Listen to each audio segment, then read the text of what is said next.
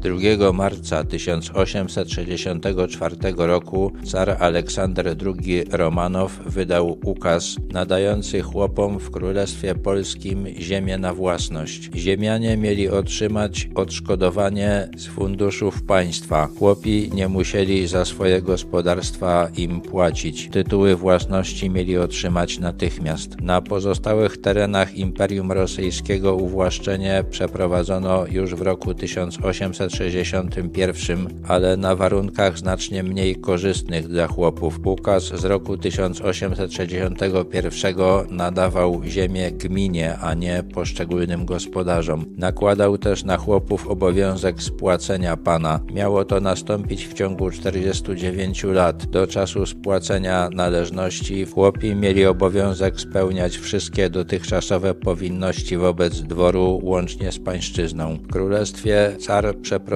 uwłaszczenie na warunkach zbliżonych do tych, które obiecywał manifest powstańczego rządu wydany w styczniu 1863 roku. Ukaz nie miał na celu odebrania powstaniu poparcia chłopów, bo i tak w zdecydowanej większości go nie popierali. Poza tym wiosną 1864 roku klęska powstania była już przesądzona. Chodziło raczej o ukaranie polskich elit za kolejne powstanie. Ziemianie utracili darmową siłę roboczą, co doprowadziło do upadku wielu majątków i stworzenie warunków do rusyfikacji chłopów poprzez przekonanie ich, że otrzymanie ziemi na własność zawdzięczają carowi, a powstanie niepodległej Polski będzie równoznaczne z jej utratą. Ukaz pogłębił nędzę wsi, bo powstało wiele karłowatych gospodarstw niezdolnych do rozwoju. Mimo to został przyjęty przez polskich chłopów z wdzięcznością. W roku 1899